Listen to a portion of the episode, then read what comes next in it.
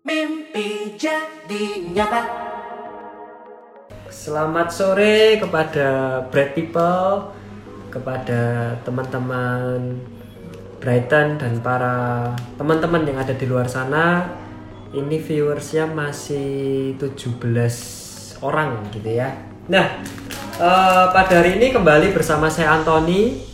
Kita akan membahas mengenai hal-hal yang tentunya edukatif, menyenangkan, rileks, dan tentunya informatif. Nah, Topik pada hari ini tentunya tetap uh, pada acara Bright Life pada hari ini kita tuh membahas sesuatu mengenai quarter life crisis atau uh, kalau tadi uh, dari pagi saya me story gitu ya calling all millennials 20s and 30s teman-teman yang berumur 20-an 30-an tentunya sering kali mengalami krisis kehidupan di perempatan hidup atau dalam perempatan kehidupan di usia seperempatan gitu ya di sini mungkin usianya pada usia 25 atau mungkin usia 30-an gitu ya. Jadi atau mungkin teman-teman yang baru lulus kuliah sering kali uh, kita ini merasa perlu mencari jati diri gitu ya. Kadang kita ini bahkan masih belum menemukan passion saya ini sebetulnya apa gitu ya.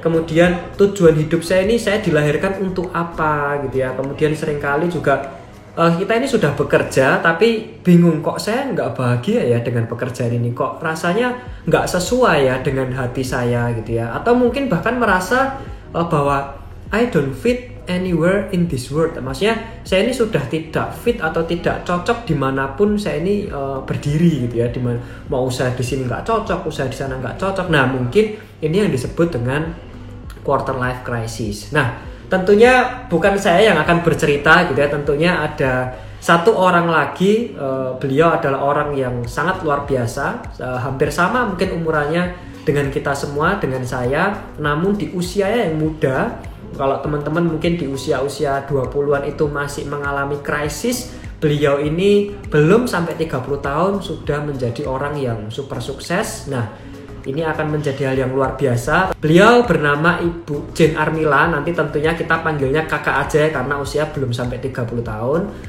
Uh, Kak Jane ini uh, sekarang menjabat sebagai komisaris Calidana Group serta CEO dari Rasa Lama Nusantara. Nah, apa itu Rasa Lama Nusantara dan siapa itu Calidana Group nanti kita akan sedikit bahas nih ya di acara ini. Nah, tentunya langsung saja saya invite sebentar.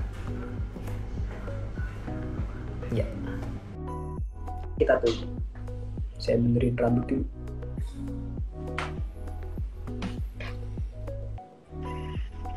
Halo Kak Jin. Halo. Selamat sore. Sore sore Pak Antoni. Jangan panggil Kak, saya panggilnya Antoni saja ya. Oh iya iya iya. ya ya. Oke ini uh, satu momen yang uh, suatu kebanggaan tersendiri bagi saya itu bisa menginterview Kak Jin gitu ya. Biasanya karena selama ini kita ini hanya berhubungan secara formal pekerjaan saja sehingga hmm. sering kita ini terbiasa manggilnya Bu Jin dan Pak Antoni walaupun sudah selisih usia kita nggak terlalu besar sih. Oke. Okay, Nah, Kak Jin. Uh, iya, gimana gimana? Kabarnya?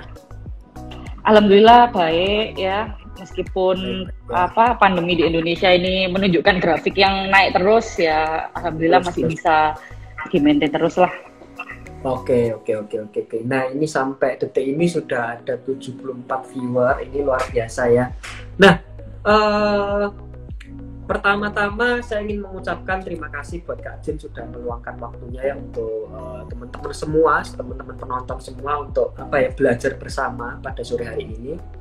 Nah, saya akan menemani teman-teman semua itu selama satu jam ke depan sampai jam 5 nanti, gitu ya. Nah, sebelum kita uh, belajar mengenai crisis in life, gitu ya, mungkin ini kan di sini kan di salah satu poster yang saya post di sini kan uh, komisaris Cari Dana Group, kemudian CEO dari Rasa Lama Nusantara. Nah, mungkin bisa dikenalin dulu nih Kak Jin, siapa sih Cari Dana Group dan apa sih Rasa Lama Nusantara ini? Iya, jadi Kali Dana Group ini adalah sebenarnya adalah bisnis keluarga ya, uh, Mas Antoni ya tadi ya. Uh, ya. Sudah berdiri sejak saya tahun 2002. Itu kira-kira saya masih umur 12 tahun mungkin ya pas Kali Dana berdiri. Jadi ya, mulai ya. saya kecil itu uh, uh, bapak saya Pak Ilyas itu sudah merintis bisnis ini benar-benar dari nol.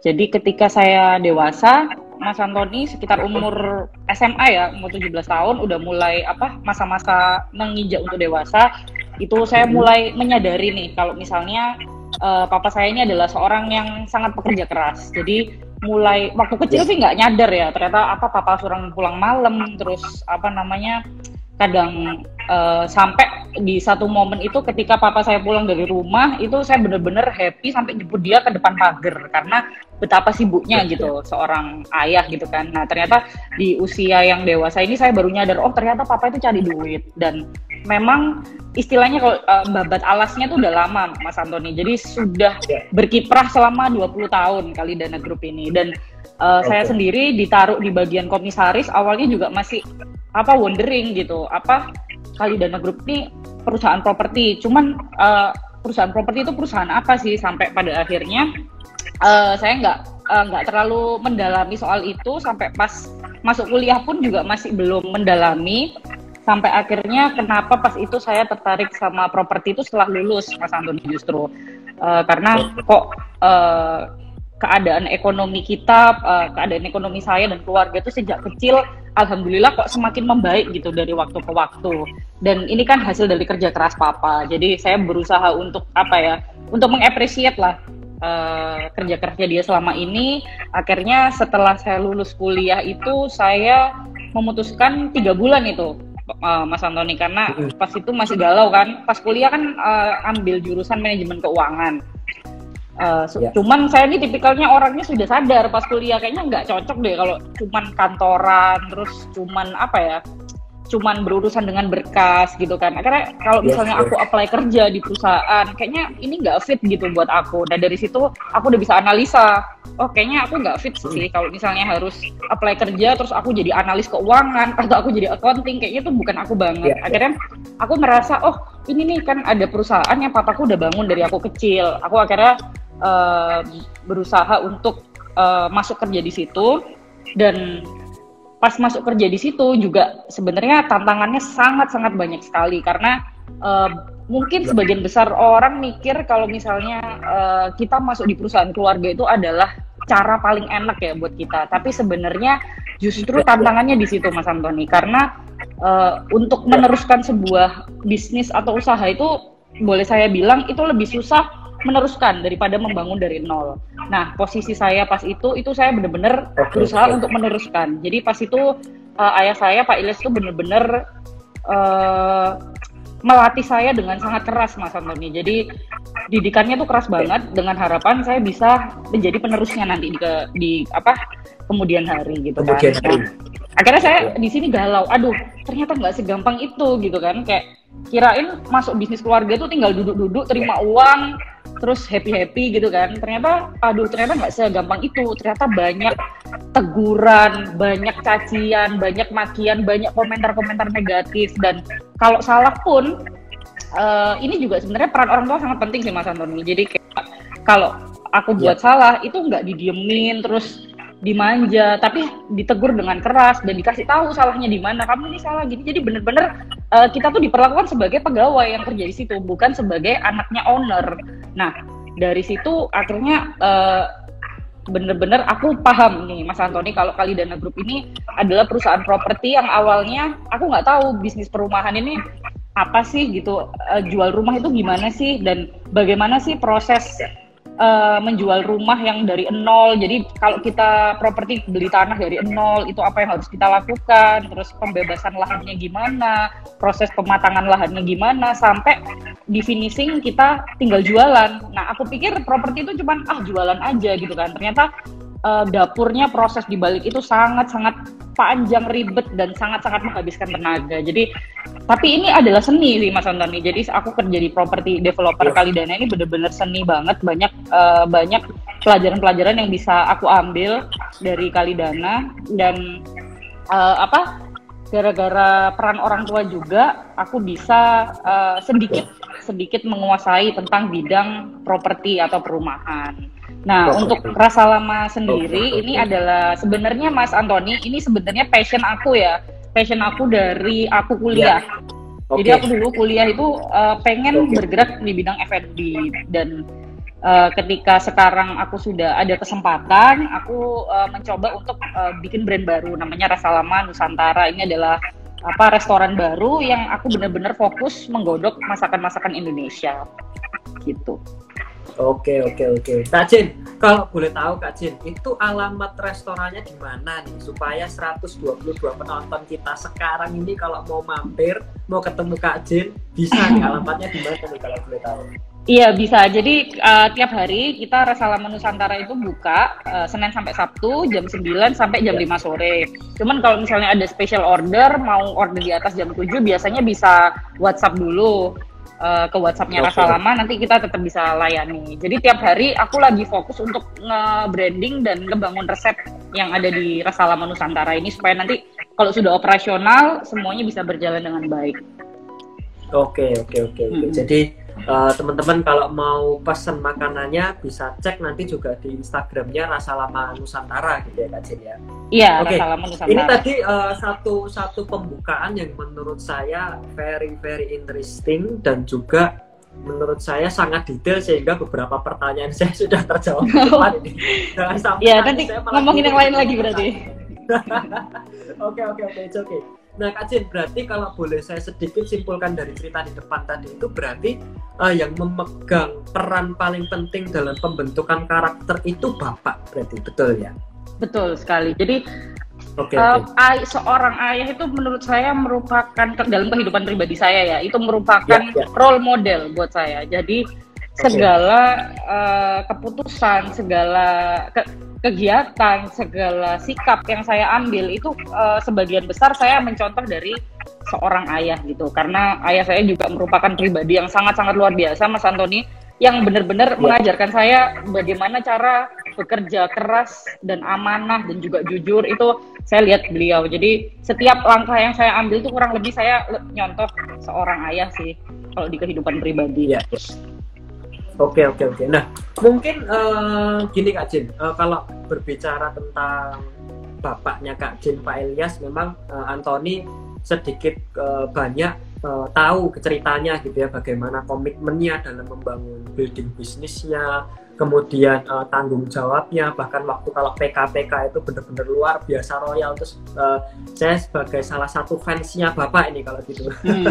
Nah mungkin bisa sedikit diceritain nggak waktu uh, kalau kita berbicara quarter life crisis itu kan mungkin dialamin sejak mungkin SMA kuliah gitu ya. Nah mungkin selama SMA kuliah itu uh, pernah nggak sih ada berlawanan pendapat dengan orang tua? Mungkin orang tua pengennya anak itu melanjutkan bisnis orang tua tapi si anak ini ngototnya enggak saya ini punya passion sendiri saya ini mau mengejar impian saya sendiri. Pernah nggak sih kak Jin?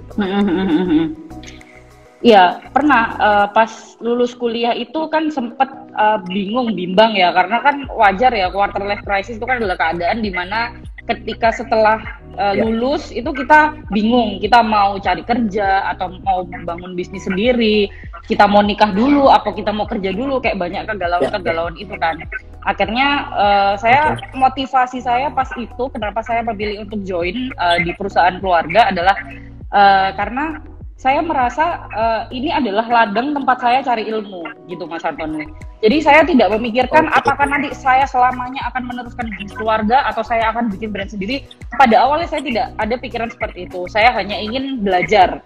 Intinya di mana pun pekerjaan yang saya masukin, saya percaya kalau itu adalah ladang belajar buat saya. Dan saya merasa karena papa ini kerja selama 20 tahun dengan penuh sukacita dan maksudnya uh, dia saya melihat papa saya tuh bekerja tuh dengan hati Mas Antoni. Jadi benar-benar dia passion, yeah. benar-benar dia suka. Jadi saya ya udah uh, mungkin ini adalah bidang yang sangat menarik uh, yang saya bisa uh, ambil banyak ilmu di sana. Jadi saya memutuskan untuk masuk. Jadi uh, motivasi saya cuma pengen cari pengalaman aja, cuma pengen apa belajar gitu. Apakah uh, nanti ini akan mengimprove diri saya ke depannya. Jadi saya akhirnya masuk dan pas masuk ternyata ketika saya mau di titik uh, jenuh itu selalu ada hal ya. baru yang bikin saya kayak uh, hal baru yang asyik jadi kayak misalnya dulu awal-awal saya kan cuma ngurusin admin itu kan boring ya. banget kan dan ternyata ya. uh, saya mulai belajar masalah konstruksi juga mulai ke Betul. belajar ke proyek dan ternyata yang awalnya saya nggak paham nih soal sipil soal apa namanya desain rumah dan soal konstruksi itu karena saya jadi pengen mendalami dan tertarik penasaran sama proyek akhirnya saya jadi ngerti gitu soal proyek dan akhirnya di situ saya minta kesempatan untuk jadi kontraktor nah itu adalah awal mulanya uh, saya mulai cinta sih sama properti pas itu Oke oke oke. Nah, tadi kalau sedikit cerita mengenai uh, manajemen keuangan waktu kuliah gitu ya. Nah, sering kali uh, dalam memilih jurusan sekolah gitu ya. Nah, ini kebanyakan dari kerabat-kerabat teman-teman dekat saya bahkan saudara itu dalam memilih jurusan itu bahkan mereka itu dipilih orang tua. Kamu masuk ini aja nanti cocok kalau nyambung dengan kebutuhan yeah, papa yeah. waktu dengan bisnis pribadi gitu. Apakah dulu waktu memilih manajemen keuangan itu karena hmm, hmm, hmm, dipilih bapak kamu manajemen keuangan aja untuk memperkuat cari dana nanti di bidang keuangan apakah ada cerita-cerita seperti itu kak Jin? Uh, nggak ada sih, cuman kan kebetulan mama dokter, jadi sempat ada apa dorongan untuk coba apa ke kedokteran. Tapi saya juga sebenarnya setengah hati karena nggak terlalu tertarik kan. Tapi karena saya ingin apa ya menyenangkan orang tua, akhirnya tetap nyoba. Tapi ya tetap nggak keterima juga. akhirnya saya memang passionnya memang di manajemen. Nah pas itu okay. dan kebetulan orang tua juga uh, nggak terlalu yang memaksakan ya mau masuk jurusan apa. Sebenarnya mau masuk yeah. hukum, mau masuk apa pun itu juga sebenarnya mereka support aja. Dan okay. saya merasa juga kalau manajemen kan kayak bisa fit in di semua lini pekerjaan. Kehidupan. Jadi ya udah ya. uh, semua ini kehidupan pasti butuh manajemen dan akhirnya ya, ya udah saya masuk manajemen. Nah ketika milih konsentrasi itu Mas Antoni itu uh, saya pilih keuangan karena di mana-mana sebuah perusahaan itu kan pondasinya uh, kan adalah selain sales kan adalah keuangan. Jadi saya pilih uh, jurusan keuangan gitu biar bisa save lah nanti ke depannya mau bisnis sendiri atau mau kerja di uh, keluarga itu saya uh, kurang lebih bisa ngerti lah soal keuangan. Ya, ya, ya, oke, oke, oke. Ini hmm. luar biasa ya. Jadi eh, ternyata Kak Jin ini memilih jurusan kuliahnya itu atas kesadarannya diri sendiri gitu ya. Yeah. Nah terus mm -hmm. uh, kalau saya kenal bukan kenal ya saya saya tahu Kak Jin itu di atas panggung sudah sejak kira-kira 2018 waktu itu saya masih di perbankan gitu ya waktu masih yeah. sering datang ke PK itu uh, Kak Jin berdiri sebagai seorang marketing director gitu ya maksudnya seorang yeah. marketing gitu kan. Nah mm -hmm. itu mengalami satu kendala nggak sih maksudnya sering kali anak-anak kuliahan atau mungkin yang baru lulus wisudawan itu kan merasa kayak jurusannya apa, kerjanya apa, nggak nyambung gitu ya. Dan jurusannya teknik industri, kerjanya di bank. Nah terus nanti ada yang jurusannya marketing, hmm. jadinya hmm. accounting lah. Pernah nggak sih Kak Jen merasa ada hmm. kendala? Maksudnya saya kuliahnya keuangan, saya ini nggak begitu pinter ketemu orang, eh ternyata aku jadi marketing. Nah itu ada kendala nggak? Mm -hmm. Ya. Ya pas awal-awal okay. itu sebenarnya ya bener juga Pak karena pas kuliah kebiasaan makan kertas, kebiasaan ngitung, apa kurang sosialisasi sama orang. Akhirnya yeah.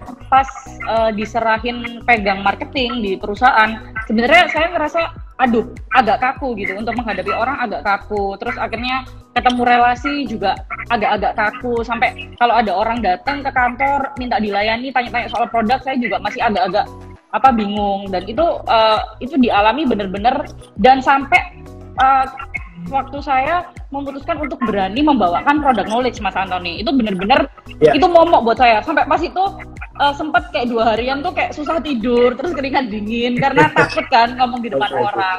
Nah akhirnya yeah. uh, saya cuma mikir uh, gimana caranya uh, kamu profesional gitu.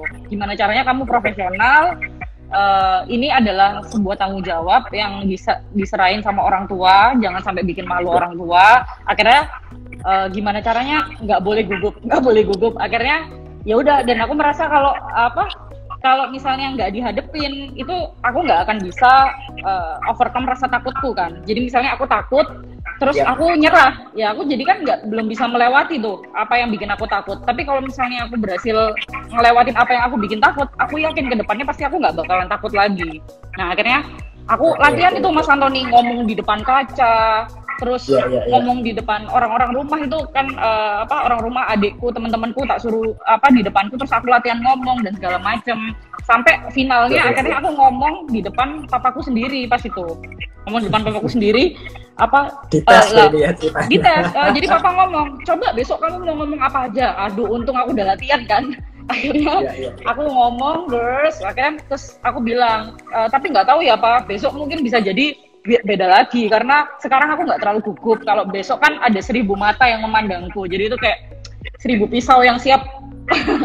Jadi kayak takut gitu. Kayak aduh kok kayaknya orang-orang siap ngelemparin pisau gini ya. Jadi akhirnya ya udah aku merem. Jadi sebelum mulai itu aku merem aku berdoa udah losin aja lah. Pokoknya apa pun yang terjadi udah loss aja. Yang penting aku udah berusaha yang terbaik. Akhirnya pas itu ya alhamdulillah awal-awal aku sempet freeze yang deg-degan banget. Terus akhirnya lama-lama udah PK kedua PK ketiga aku udah bener-bener lancar karena aku merasa alah cuman gini doang kayak gitu jadi kayak yeah. aku berusaha ngelawan rasa takutku sendiri sih sampai aku okay, akhirnya okay, aku okay. bisa gitu oke okay, oke okay, oke okay. jadi teman-teman ini menarik banget ya Brad People ya jadi uh, bahwa everything itu uh, bahwa seorang expert itu awal mulanya adalah seorang pemula every uh, every expert always first a beginner gitu ya artinya bahwa artinya nggak nggak yang dimaksud itu kak Jin ini ternyata jago ngomong gitu ya. ternyata di balik cerita itu mengalami satu proses itu bahkan sampai latihan sama adiknya sampai diuji sama bapaknya gitu ya ceritanya ya ternyata ya kita semua memang manusia biasa gitu ya. Nah yang tersulit adalah bagaimana para brand people ini mengalahkan diri sendiri untuk berani mencoba keluar dari zona nyaman yang biasanya makan kertas sekarang makan perhatian orang gitu ya. Sekarang nah, muncul di itu semua mata tertuju gitu ya. Oke oke oke oke. Nah kalau tadi uh, sedikit dibahas mengenai apa namanya bisnis keluarga gitu ya Kak Jen ya. Pernah nggak sih maksudnya namanya namanya netizen gitu ya kan ya tau lah ya netizen Indonesia itu lidahnya mengerikan hmm, gitu. Pernah nggak sih ada yang nyinyirin ah kalau kamu kan gampang ya maksudnya memang dari keluarga yang sudah hmm. backgroundnya itu sangat-sangat mapan dan hmm. tinggal masuk ke perusahaan siapa hmm. yang berani marahin kamu siapa yang bisa pecat gitu ya pernah nggak sih hmm. gitu terus maksudnya korelasinya bahwa ternyata bisnis keluarga itu lebih sulit daripada kita merintis sendiri mungkin saya sedikit di, di bedah lagi tuh kak Jin Iya, jadi memang banyak Mas Antoni dan mindset-mindset orang-orang kalau uh, meneruskan bisnis keluarga itu gampang, meneruskan hmm. meneruskan bisnis keluarga itu nyaman. Padahal yang saya alami sebagai penerus dari bisnis keluarga itu malah sebaliknya Mas Antoni. Karena uh, kalau misalnya kita kerja di instansi, itu kita uh, hanya punya satu hubungan kerja dengan atasan kita, yaitu atasan sama bawahan. Tapi kalau meneruskan bisnis keluarga, kita punya dua hubungan, Mas Antoni di sini yang dipertaruhkan. Hubungan ya. dengan atasan, bawahan, dan hubungan dengan orang tua dan anak. Nah, okay. ini gimana caranya dua hubungan ini bisa terjaga dengan baik? Jangan sampai di lingkungan kerja kita merasa ada konflik, nanti kebawa sampai rumah, sampai bikin berantem, sampai bikin gak enak-enakan, diem-dieman. Nah, itu sangat-sangat susah sekali. Nah, itu kan untuk masalah emosi aja ya, Mas Antoni. Nah, ya, untuk ya. masalah uh, kehidupan kerja sendiri. Kalau misalnya kalian bilang kalau uh, di, di bisnis keluarga itu uh, lebih nyaman daripada kalian kerja sendiri, sebenarnya enggak juga. Karena kita memikul tanggung jawab di pundak ini yang jauh-jauh lebih besar daripada kita kerja di orang. Kalau misalnya kita kerja di orang, kita bikin salah, ya udah, yang dirugikan perusahaan orang lain. Tapi kalau misalnya di perusahaan keluarga, Mas Antoni, kita bikin yeah. salah sedikit aja, kita luput, kita apa ya, kita ceroboh itu yang dirugikan adalah kelangsungan hidup kita sendiri karena gimana iya, gimana iya. rezeki keluarga kita dari sana kita cari uang kita makan itu dari bisnis keluarga ketika kita iya. membuat kesalahan uh, kita ceroboh kita tidak hati-hati dalam bekerja yang dirugikan adalah diri kita sendiri jadi kalau misalnya kita kerja di orang kita uh, salah nggak salah kita tetap dapat gaji tetap tiap bulan kita tetap tetap dapat penghasilan kalau kita kerja di keluarga sendiri, di bisnis keluarga sendiri, kita nggak kerja, kita nggak makan, Mas Antoni. Karena benar-benar, okay. apalagi ketika kita diserai tanggung jawab, kamu harus jualan. Lah ketika kita nggak bisa jualan, terus pemasukan perusahaan dari mana? Terus keluarga kita makan apa? Jadi itu benar-benar tanggung jawab yang uh, benar-benar berat menurut saya. Jadi membutuhkan mental yang uh, berkali-kali lipat daripada kita Ya, uh, ya. tidak meneruskan bisnis keluarga karena gimana gimana itu baliknya ke keluarga kita sendiri baliknya ke diri kita sendiri gitu sih Mas Antoni Oke, oke, oke, oke. Oke, ini eh, satu pembahasan yang menarik. Jadi maksudnya bahwa dalam bisnis keluarga teman-teman itu tidak semudah dan tidak seindah yang mungkin para bread people bayangkan tinggal nerusin gitu ya terus ongkang-ongkang kaki tapi ternyata di balik itu semua itu ada beban moral dan beban tanggung jawab yang lebih betul besar daripada teman-teman itu mungkin merintis sendiri atau mungkin Mm-mm. menjadi karyawan di satu perusahaan besar gitu ya. Jadi ini, iya ini menarik sih. Ini maksudnya eh, sedikit merubah mindset ya teman-teman bahwa meneruskan orang tua atau bisnis keluarga itu nggak selamanya indah guys. Percaya. nggak selamanya indah tapi eh, saya bisa bilang juga setiap pekerjaan itu nggak ada yang gampang Mas Antoni jadi mau kerja wirausaha mau menerusin keluarga atau saya juga nggak bilang eh, kerjanya teman-teman di sini yang sebagai pegawai itu gampang. Semuanya tuh pasti punya eh, titik tantangan sendiri-sendiri gitu Oke oke oke menarik sekali. Oke kalau kita sedikit melompat ke masa kecilnya Kak Jenny, ini kan kita berbicara apa yang terjadi sekarang itu dipengaruhi oleh kejadian masa lampau gitu ya. Nah iya waktu kecil dulu sebenarnya Kak Jenny punya impian apa sih? Mungkin kalau anak-anak zaman zaman angkatan saya gitu itu kan impiannya apa sih? Jadi astronot, jadi pilot gitu ya. oh, Ternyata kalau aku pengennya jadi pengennya jadi polwan Mas Antoni Wah, katanya udah cocok, Aku pengen udah pendek gitu. ya. Iya, udah cocok kan ya. Aku pengen nangkepin orang-orang jahat, terus pengen Ya, apa ya, namanya menegakkan keadilan kayak gitu. Jadi pas kecil itu pas kartinian, Iya, iya, iya. aku paling eh, milih mesti baju polisi. Jadi senang banget aku kalau misalnya jadi polisi gitu. Oke oke oke. Ha-ha. Terus eh, Sekarang- detik sekarang itu, Heeh. Gimana? Sekarang ya jadi polisi di proyek, polisi di dapur. Jadi sekarang eh, polisinya agak bergeser ke bidang lain Ya, gitu. ya, ya. Oke, oke, oke. Ini ada yang, eh, bagi teman-teman semua jangan lupa ya, People kalau Hmm. mau bertanya mengenai mungkin punya anak di usia 20-an atau mungkin 19, 18 yang mungkin masih bingung mencari jati diri, senangnya apa sih kerja tapi masih merasa malu, tidak sesuai passion gitu ya, boleh silakan ditanyakan di komen langsung dari narasumber yang luar biasa ya. Nah, sekarang yang mau saya tanyain nih Kak Jin, Eh, kalau dengar-dengar Iya. juga kan di perusahaan Salidana itu kan eh, sekarang mulai adik-adik mulai join juga ya di perusahaan. Nah, Kak Jen sebagai kakak sulung ini just for information Iya. teman-teman. Kak Jen ini Iya, adalah eh, anak sulung anak pertama. Nah itu bagaimana sih sebetulnya mengawasi adik-adik dan juga mengawasi pekerjaan dan bagaimana menata hati menganggap Hmm. mereka itu eh, seperti karyawan tapi secara ini ini ini adikku loh sebenarnya gitu. Iya, iya, Gimana iya, sih iya. pada cara Ha-ha. ngadepin seperti itu sebenarnya? Ya, jadi eh, kan kebetulan memang saya anak pertama dan ada dua adik Mas Antoni yang bergabung juga di Kalidana. Itu ada adik saya yang kedua, Mas Yunus, sama adik saya yang ketiga itu Mbak Bila. Eh, kebetulan untuk masalah adik kakak ini saya tidak terlalu menganggap mereka sebagai keluarga ya Mas Antoni kalau di dunia kerja. Kit- eh, aku sama mereka menganggap mereka juga bukan bawahanku, mereka juga bukan pegawai yang apa eh, status jabatannya ada di bawahku hanya karena aku lebih lama kerja di sana. Aku lebih Ya. mengetrit mereka itu as a team. Jadi gini Mas Antoni, kita bertiga ini punya karakter yang beda-beda. Kalau aku Oke. orangnya sukanya di lapangan, aku juga suka ketemu orang. Ya karena aku sekarang kan eh, di selama di Kalidana kerjaan itu skupnya soal marketing sama project. Jadi aku nggak bisa terus di kantor dan aku nggak bisa terus di proyek. Jadi aku orangnya bener-bener fleksibel lah. Aku orangnya Ya. fleksibel banget. Mau apa pun aku eh, bisa gitu. Nah sedangkan adikku yang kedua ini dia anaknya teliti banget. Dia anaknya teliti banget dia anaknya proyek banget. Jadi dia benar-benar eh, apa senang lah ada di proyek. Jadi dia jago banget Mas Antoni kalau soal Ya. kualitas bangunan. Bahkan aku banyak belajar dari dia. Nah untuk eh, adikku yang ketiga ini dia eh, lulusannya kan eh, kumlot ya Mas Antoni. Sangat-sangat kumlot. Oke. jadi dia dulu di di UNER itu IPK-nya sering 3,9 4 maksudnya pinter banget lah. Pokoknya dia Buset, buset. anaknya rajin dan pinter gitu kan. Jadi dia kalau soal oke, data dia kalau soal apa ya keuangan tuh dia sangat eh, sangat sangat ahli jadi aku merasa eh, ketiga orang ini punya kelemahan dan kekurangan yang beda-beda. Jadi aku pengen saling mengisi aja gitu. Jadi kalau misalnya soal project, aku minta diingetin sama adikku kalau misalnya aku salah, tolong diingetin biar kita bisa improve. Sama juga kalau misalnya adikku yang di project terlalu apa loss soal material, adikku yang ketiga bisa ngingetin kita budget segini segini segini. Jadi aku sama adik-adikku ini bukan ke atasan bawahan, bukan ke pegawai, bukan ke keluarga, tapi kita satu tim kita harus bisa bawa uh, Kalidana menjadi perusahaan yang lebih baik lagi. Jadi kayak lebih ke tim saling koreksi, saling kritik, saling ngasih masukan gitu sih. Ya. Oke oke oke. Jadi keren banget. Jadi memposisikan mereka as the partner of life gitu ya maksudnya partner, partner hidup untuk saling mengkoreksi bahwa mm -mm, aku ini bukan dewa loh yang selama lamanya mm -mm, gitu ya. jadi nggak ada ibaratnya nggak ada aturan tuh gini.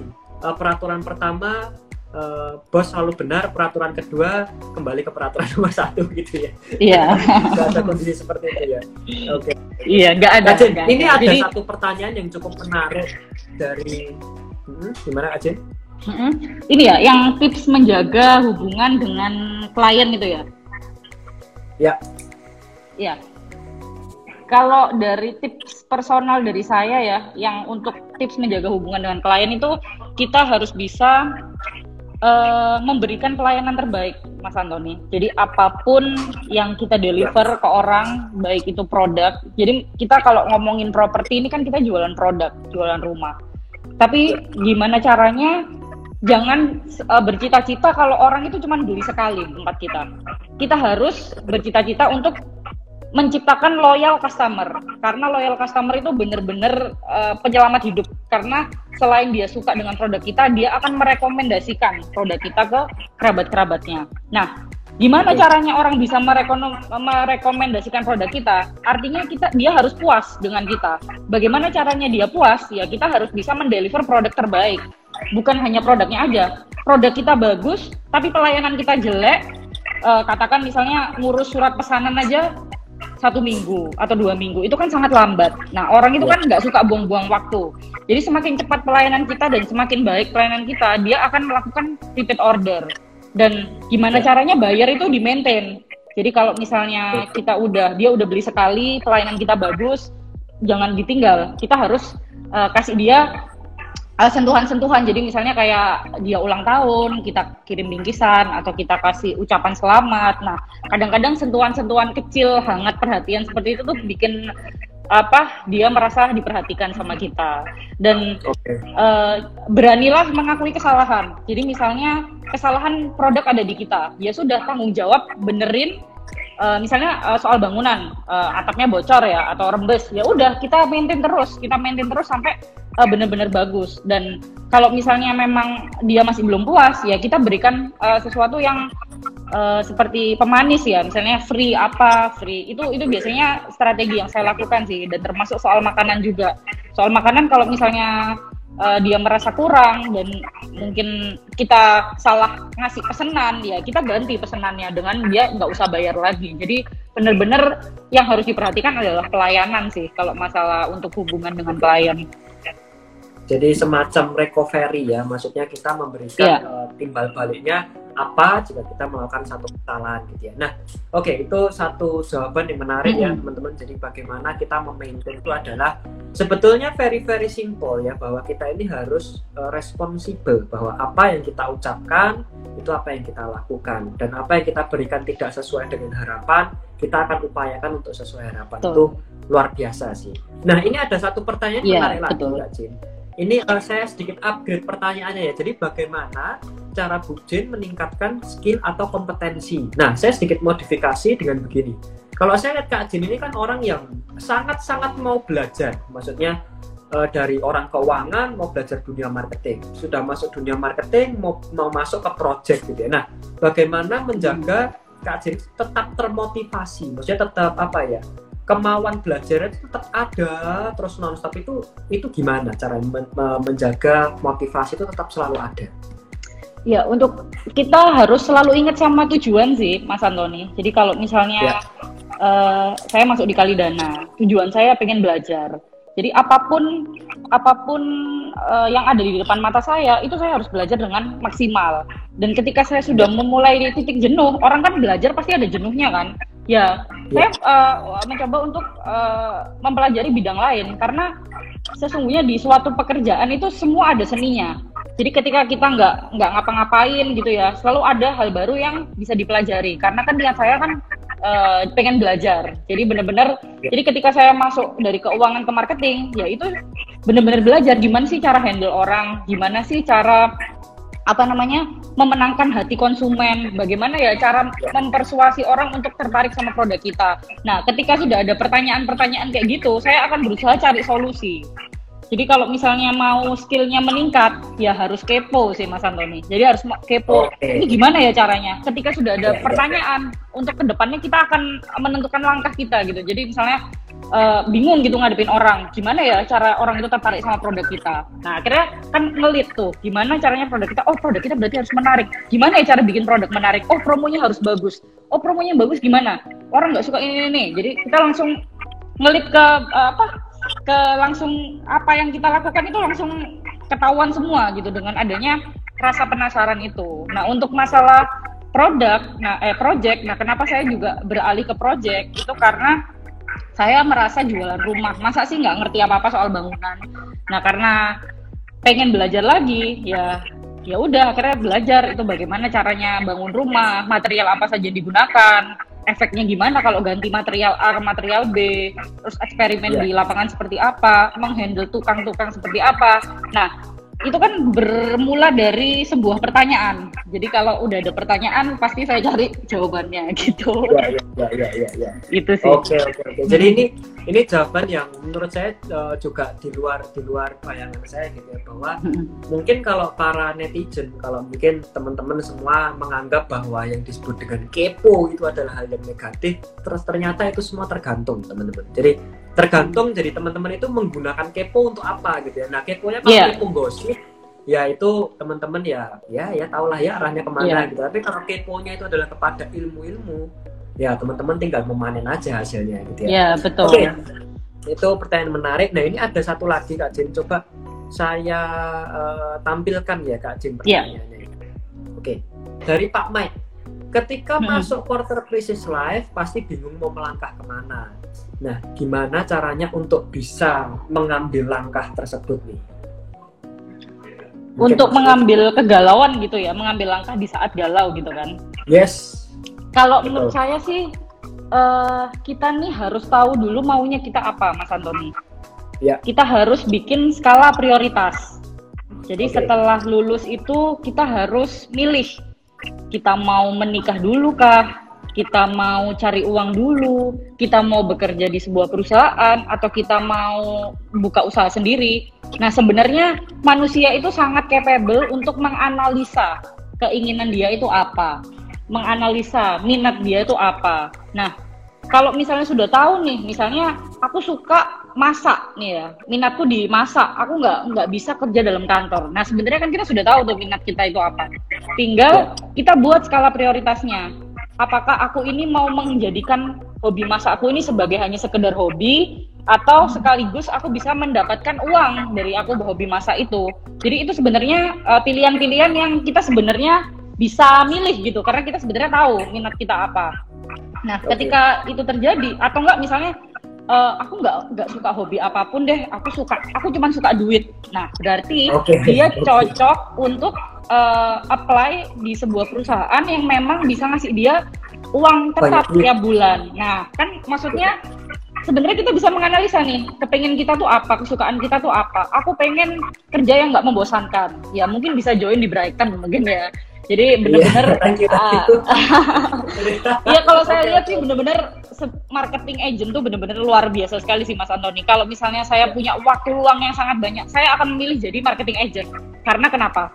Karena marketing agent itu penghasilannya itu uh, bener-bener uh, bisa kita tentukan sendiri. Misalnya kita pengen penghasilan 20 juta, kita pengen penghasilan 50 juta. Nah, itu sangat bisa, tergantung gimana caranya kita target untuk jualan banyak di bulan ini. Jadi bener-bener, nah semua itu tergantung minat kita sendiri. Jadi kalau misalnya kita pengennya dapat uang bulanan tetap ya kerja kantoran. Kalau pengen punya dapat unlimited penghasilan ya silahkan kerja jadi marketing, silahkan buka usaha sendiri. Nah, itu yang akan mungkin bisa menjawab kegalauan dari quarter life crisis. Kalau misalnya aku nggak mau kerja wes, aku mau kerja setelah menikah. Lo ya monggo-monggo saja. Apakah apa dari calonnya sama uh, dari pribadi apakah sudah siap untuk apa keuangannya gitu untuk apa namanya uh, apa men, men, membiayai biaya ya. pernikahan ya. uh, apa bisa gitu untuk membina suatu hubungan pernikahan kalau merasa mampu nggak apa-apa aku dimodalin mertuaku ya monggo saja tapi kan uh, hidup itu selamanya tidak bisa tergantung mertua gitu kan jadi ya yes, yes, yes, itu yes. nanti akan untuk menjawab apa kita analisa dulu sih kita analisa dulu uh, maunya kita ini apa terus kita pengennya gimana nah nanti itu akan menentukan uh, di mana kita akan fit in gitu Oke, okay. itu mm-hmm. jawaban yang menurut menurut Anthony luar biasa banget adalah uh, know yourself. Kita harus pertama kali itu harus benar-benar tahu diri kita gitu ya. Sebenarnya kita ini siapa, kita ini apa, talenta yeah. kita ini apa, terus kemudian dreams kita ini apa, goals kita apa, baru teman-teman setelah menentukan jawaban-jawaban itu mungkin baru bisa keluar dari krisis kehidupan gitu ya. Nah, ini ada satu pertanyaan juga yeah. menarik dari Bu Ririn Bergita bagaimana caranya yeah. Kak Jen membagi waktu dan tetap bisa fokus dengan dua bisnis yang tentunya berbeda industri atau lininya berbeda. Gimana Kak Jen? Iya, uh, nah itu balik lagi ke seberapa besar ya kita ingin maintain apa hal yang bisa dilakukan dalam hidup ini karena sebenarnya uh, manusia itu mempunyai kemampuan buat multitasking, Mas Antoni. Jadi sebenarnya kita bisa tuh melakukan dua sampai tiga hal sekaligus dalam waktu yang bersamaan. Cuman gimana cara bagi waktunya? Ya kita tentukan juga, uh, kita analisa. Ini kapan saya dibutuhkan untuk masalah uh, pekerjaan properti yang which is juga sebenarnya tidak tidak membutuhkan waktu yang rutin ya. Jadi kapan pun tuh misalnya saya mau main ke project atau saya mau jualan rumah atau saya mau bikin promo, itu sebenarnya tidak menuntut saya untuk selalu uh, diam di kantor, dan tidak menuntut saya untuk selalu apa namanya ke project pada jam-jam tertentu. Nah itu sangat-sangat bisa diatur. Jadi uh, di sini kan saya uh, kebetulan di bidang marketing kan yang harus banyak dipikirkan adalah masalah strategi promosi. Nah strategi promosi ini kan bisa saya pikirkan kapan pun. Nah ketika untuk masalah di bidang yang lain, untuk masalah bidang apa makanan itu juga cukup menyita menyita waktu karena satu ini hal yang sangat baru karena hal baru itu sometimes scary gitu, menakutkan sekali. Yeah. Dan uh, banyak pikiran dan waktu saya yang terbuang di sini untuk membuat ini menjadi suatu bisnis yang lebih settle. Nah, jadi yeah. cara ngaturnya ya kita bikin skala prioritas. Untuk sekarang skala prioritas saya pertama di bidang F&B. Nah, skala prioritas prioritas kedua di bidang properti. Jadi uh, bener-bener saya atur waktu. Gimana caranya kedua bidang ini bisa jalan Uh, jadi saya propertinya meskipun agak kendur tetap bisa jalan dan restonya juga tetap bisa jalan. Nah kebetulan juga uh, saya punya dua adik yang bisa membantu. Jadi kalau misalnya ada hal-hal yang ide-ide baru yang perlu saya komunikasikan bisa langsung saya komunikasikan dan uh, kalau kerja di bidang marketing itu sifatnya sangat-sangat luas lah ya, nggak harus menghabiskan waktu yang sangat uh, apa lama jadi ketika saya bisa ya saya lakukan yang terbaik gitu ketika ada waktu ya kita kita gencarkan promonya tapi uh, untuk mostly sih memang kita harus bikin skala prioritas mana dulu yang mau kita dulukan gitu. Nah, ketika saya punya impian kalau memang sudah FNB-nya ini sudah settle, mungkin saya juga uh, akan apa kencang lagi di propertinya. Jadi gantian gitu. Jadi skala prioritasnya ya, saya ganti-ganti gitu. Ya, ya, ya, ya, ya. Oke, oke, oke, oke. Nah, ini menjadi salah satu uh, saya ada dua dua pertanyaan penutup gitu ya Kak Jin ya karena ya. waktunya kan sisa sekitar 15 menit. Nah, ini yang tentunya saya yakin uh, bahkan termasuk saya itu pernah mengalami krisis ini sehingga ingin saya tanyakan mewakili semua penonton millennials di sini 20s and 30s. Uh, sebetulnya kalau kita boleh bertanya itu sebetulnya kalau kita ngomong lebih penting passion or money gitu ya. Karena sering kali kan gini sebetulnya passion saya uh, let's say misalnya pelukis gitu ya. Tapi ternyata hmm. oh pelukis itu nggak terlalu bagus nih industrinya caranya saya punya dapat uang gimana. Sehingga sometimes kita harus membuang passion kita dan akhirnya bekerja for money. Nah sebenarnya kita we, we work for money or we work for passion nih sebetulnya Kak Cid mm-hmm. mana yang lebih penting nih? Kalau menurut saya yang lebih penting adalah money ya karena okay. uh, kenapa kok money karena pada dasarnya kita bekerja itu untuk bertahan hidup jadi yes. uh, kadang suka atau tidak suka pekerjaannya itu kadang uh, kita akan termotivasi akan menyukai pekerjaan itu karena uang gitu tapi nggak selamanya juga uh, kita harus dipaksa untuk kita harus dipaksa untuk menuruti uang itu jadi kita harus suka tuh sama pekerjaannya nah uh, okay. sebagai contohnya gini Mas Antoni ini di kehidupan pribadi saya sendiri jadi uh, untuk di bisa memulai bisnis apa F&B ini itu kan tidak luput dari peran apa dari kerja keras saya di properti selama ini. Jadi yeah. saya mer saya merasa passion saya memang di resto. Tapi alangkah tidak logisnya kalau ketika saya belum punya modal, tidak punya uang, saya memaksakan diri untuk buka resto dengan pakai uh, utang bank atau pakai duit orang tua atau pinjam teman. Nah, itu menurut saya pemikiran yang sangat-sangat tidak logis. Jadi dari situ uh, saya berusaha, oh saya harus mengumpulkan modal terlebih dahulu dan mungkin uh, ketika saya bekerja di awal di uh, di uh, apa awal nom, apa pertama kerja itu saya berpikir kalau waduh ini kayaknya bukan passionku gitu di property developer kayaknya uh, membosankan atau kayaknya susah. Nah, tapi ketika ternyata saya masuk di situ uh, setelah dapat beberapa bulan, ternyata saya mulai mencintai pekerjaan saya. Nah, kadang memang kita awal-awal itu kita nggak sadar kalau kita sebenarnya suka sama pekerjaan kita, tapi di tengah-tengah kita bisa mencintai pekerjaan kita dengan apa sambil jalan gitu. Karena uh, pada dasarnya itu orang mencari uang itu Mas Antoni uh, melalui bidang yang dia minati gitu. Jadi dia lebih semangat untuk cari uangnya. Jadi kayak yeah, misalnya kayak aku termotivasi untuk uh, pengen dapat puluhan juta per bulan. Nah gitu kan. Berarti kan aku harus jadi marketing. Yang which is marketing itu fee-nya itu bener-bener satu kali transaksi bisa minimal 20 juta. Lah kalau aku seminggu closing empat kali kan aku udah dapat 80 juta Mas Antoni. Nah itu iya, bener-bener. Yeah, yeah. Nah di pertamanya aku nggak mau, aku malu jadi marketing, nggak mau ah nawar-nawarin produk ke orang. Tapi ternyata setelah aku berhasil, setelah aku menuai hasil dari situ, aku jadi cinta.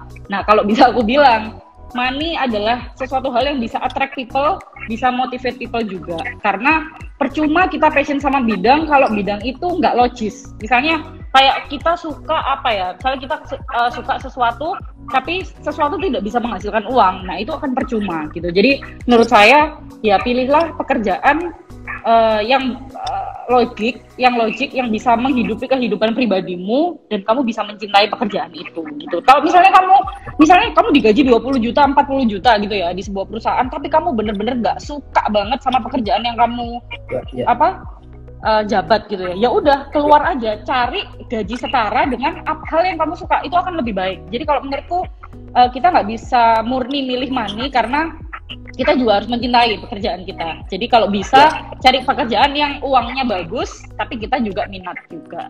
Gitu. Oke oke oke oke. Hmm.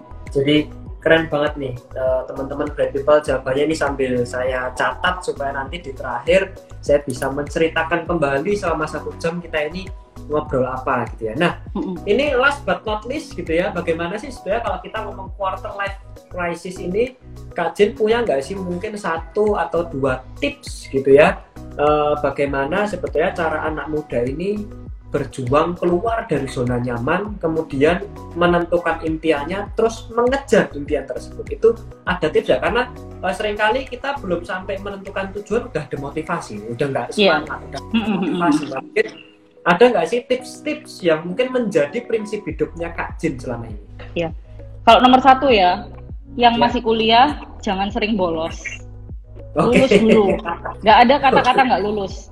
Dan dengerin dosennya tuh ngomong apa. Karena saya sering nyesel sekarang ketika di bidang kerja, ternyata banyak hal-hal yang bisa dikuasai kalau misalnya saya fokus pas dulu kuliah. Jadi banyak ilmu yang bisa saya serap, yang bisa saya praktekkan di dunia kerja, tapi pas itu PA. Nah, okay, itu okay. rugi besar. Jadi kalian harus rajin kuliah, harus lulus, baru kalian uh, memilih pekerjaan yang kalian suka. Nah, yang kedua uh, jangan kuper ya. Jadi dalam bisnis itu kita harus banyak teman. Jadi uh, setiap orang yang kamu temui di dunia kuliah, di dunia sekolah, di dunia kerja, ya just be nice to them. Karena kalian nggak akan pernah tahu orang itu akan menolong kalian di masa depan. Jadi mungkin kalau misalnya skalanya saya sekarang, saya sekarang lagi ready bisnis F&B dan ketika nanti uh, saya tiba-tiba dulu punya temen nih pas kuliah, uh, ternyata sekarang dia udah jadi investor uh, resto-resto besar di Indonesia. Dan ternyata catch up sama saya hubungannya baik kan bisa kebuka gitu kesempatan. Jadi kita nggak pernah tahu gitu. Uh, setiap orang yang kita temui itu akan bisa menolong kita di masa depan. Nah yang iya, ketiga yeah, yeah. Uh, apa namanya jangan lupa sama tujuan jadi kalau misalnya kalian karena tujuan itu akan yang mengeset uh, jalur pikiran kita akan menentukan uh, way of life kita dan apa ya dan menyetir bagaimana uh, tindakan-tindakan yang akan kita lakukan di masa depan. Jadi jangan sampai salah niat, jangan sampai salah mindset karena kalau sampai salah niat nanti jadinya buruk pasti. Kalau niat kalian baik pasti hasilnya juga uh, datang yang baik-baik juga gitu. Jadi yang nomor oh, satu harus rajin, nggak ada orang sukses yang males ya. Dan okay, nomor dua, okay, okay. perlebar koneksi baik sama semua orang karena kita nggak akan tahu di masa depan orang itu akan bisa menolong kita. Dan yang ketiga, ingat terus sama tujuan kalian apa. Oke oke oke oke. Jadi tiga tiga poin itu ya Kak Jen ya. Betul. Prinsip hidupnya Kak Jen. Iya. Maksudnya menghargai proses ya, jangan bolosan. Yang penting lulus dulu lah ya kalau yeah. dari kuliah aja udah tukang bohong sama absen, gimana nanti masuk dunia kerja? Nah, oke oke itu akan menjadi satu kebiasaan yang membibit di dalam hati. Oke, okay, uh, eh, itu tadi pertanyaan terakhir Kak Jin. Uh, sebelumnya saya mewakili manajemen Brighton dan mewakili para bright people yang ada di sini. Uh, mo mohon maaf, kelihatannya Kak Jinnya terputus. Halo Kak Jin waduh di akhir-akhir putus ini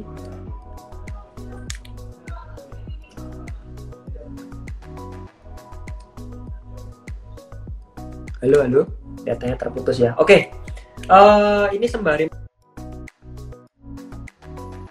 ya saya mewakili teman-teman. Oke okay, kebetulan kajiannya malah live nih. Nah oke okay karena itu tadi juga apa namanya kebetulan pertanyaan terakhir ya teman-teman. Jadi Uh, saya ingin mengucapkan mewakili teman-teman manajemen Brighton dan seluruh brand people ingin mengucapkan banyak terima kasih kepada Kak Jin tentunya untuk waktu dan sharingnya yang sangat-sangat inspiratif gitu ya. Bagaimana kita ini bisa keluar dari quarter life crisis gitu ya. Nah teman-teman kalau kita berbincang-bincang hampir selama satu jam tadi saya ingin sedikit meringkas sebetulnya apa sih yang uh, dari tadi kita obrolkan gitu ya. Yang pertama adalah first step is everything. Bahwa langkah pertama adalah segala-galanya. Bahwa langkah pertama itu adalah satu langkah yang bisa menentukan masa depan Anda. Terkadang kita merasa bahwa melakukan sesuatu itu susah melawan diri sendiri itu susah tapi bagi teman-teman ketika teman-teman sudah melangkah satu kali saja teman-teman itu seperti snowball effect teman-teman akan tinggal berjalan, berjalan, berjalan dan ternyata tidak terasa sudah sekian tahun, tidak terasa sudah sekian bulan, tidak terasa ternyata teman-teman sudah mencapai mimpi-mimpi yang mungkin teman-teman lupa. Oh, ini ternyata dulu mimpi saya, it was my dreams dan ternyata sekarang sudah tercapai. Poin yang kedua adalah tidak semuanya indah. Di dunia ini ada prinsip yang kita sebut dengan sawang sinawang, teman-teman. Sawang sinawang kalau teman-teman nggak tahu bahwa belum tentu apa yang kita pandang indah ternyata itu indah di mata yang mengalami, belum tentu banyak dari kita menganggap bahwa ternyata uh, melakukan satu melanjutkan satu bisnis keluarga itu mudah, gampang, gitu ya, sepele, tinggal ongkang-ongkang kaki dapat uang. Ternyata no, teman-teman. Ternyata itu semua uh, tidak semuanya indah. Ternyata ada beban tanggung jawab, ada beban mental, ada beban moral yang ditanggung dan itu sangat-sangatlah tidak mudah, gitu ya. Kemudian uh, tolong definisikan kepo dalam artian yang positif. Bagaimana Anda merespon kepo? Kalau keponya kita berbicara mengenai kepo yang eh, hal-hal uh, gosip seperti itu ya, nah itu tentunya adalah hal yang negatif. Tapi kalau teman-teman keponya untuk hal-hal yang uh, informatif, edukatif, hal baru tentunya itu akan sangat-sangat berguna dalam kemajuan hidup teman-teman. Nah, kemudian ini yang menurut saya paling penting dan wow banget adalah bagaimana teman-teman itu berbicara tentang choice. Teman-teman saya ingin semua yang ada di sini adalah menekankan ke dalam pikirannya bahwa apa yang teman-teman dapat hari ini, apa yang teman-teman alami hari ini adalah hasil dari keputusan teman-teman yang kemarin-kemarin teman-teman ambil. Contoh misalnya, hari ini saya gemuk gitu ya, hari ini misalnya saya berbadan gemuk obesitas 100 kilo. Nah, itu adalah hasil dari keputusan saya dalam enam bulan terakhir saya setiap hari makan McD Paham ya teman-teman? Jadi saya setiap hari makan McD, makan-makan junk food, makan-makan yang bikin gemuk sehingga enam bulan kemudian saya gemuk. Jadi apa yang terjadi pada kita hari ini, apa yang terjadi kita pada saat ini adalah hasil keputusan kita mungkin enam bulan yang lalu, mungkin satu tahun yang lalu, mungkin lima tahun, mungkin sepuluh tahun yang lalu. That's it gitu ya. Nah kemudian kita harus punya yang disebut dengan skala prioritas. Bagaimana kalau teman-teman punya satu, dua atau tiga bisnis atau punya dua, tiga kegiatan, teman-teman harus tentunya punya skala prioritas mana yang lebih penting. Karena nggak semuanya teman-teman bisa lakukan at the same time. You're not Superman, man. Anda bukan Superman, gitu ya. Nah, kemudian yang nggak kalah penting adalah know yourself. Ketahuilah diri Anda. Apa potensi Anda? Apa kehebatan Anda? Apa passion Anda, apa kekurangan Anda, gitu ya. Itu yang sangat penting. Jadi analisa juga diri Anda ini cocoknya di mana kira-kira. Oke, kemudian ada tiga tips terakhir dari Kak Jen tadi ya. Bagi yang masih kuliah atau mungkin masih melanjutkan pendidikan SMA, SMP, jangan lupa jangan bolos, lulus saja dulu. Oke, kemudian jangan kuper, jangan pernah meremehkan orang lain. Wih, itu anak itu bodoh, anak itu nggak pintar, anak itu males dan segala macam. Ternyata sekian tahun kemudian menjadi orang yang luar biasa. We don't know, kita nggak tahu jalan hidup orang lain. Gunakanlah prinsip siapa tahu mereka nanti ke depannya sukses. Siapa tahu nanti mereka menjadi artis. Siapa tahu dia jadi orang. Nobody know. Kita nggak tahu nasibnya orang seperti apa. Oke ya. Kemudian uh, tips terakhir yang ketiga dari Kak Jen adalah do not forget uh, your dreams. Jangan lupakan tentang impian Anda. Karena bagaikan teman-teman mungkin sedang nyetir, teman-teman kalau nggak tahu tujuan, teman-teman ya hanya akan hanya akan berjalan-jalan gitu ya, hanya muter-muter nggak jelas gitu. Jadi don't forget your dreams. Teman-teman harus tetap stick to your dreams untuk teman-teman terus belajar dan menuju uh, ke arah-arah tempat-tempat yang tentunya menjadi impian teman-teman semua. Nah, itu semua adalah uh, ringkasan atau dari serangkaian acara kita hampir satu jam membahas bagaimana sih kita keluar dari how to escape from quarter life crisis gitu ya. Nah, uh, saya ingin mengucapkan sekali lagi terima kasih kepada Kak Jin uh, dan teman-teman Cali Dana yang mungkin masih menonton di sini dan juga kepada teman-teman yang juga ikut nonton, ikut bertanya gitu ya atas waktunya, atas sharingnya untuk kita semua. Mimpi jadi nyata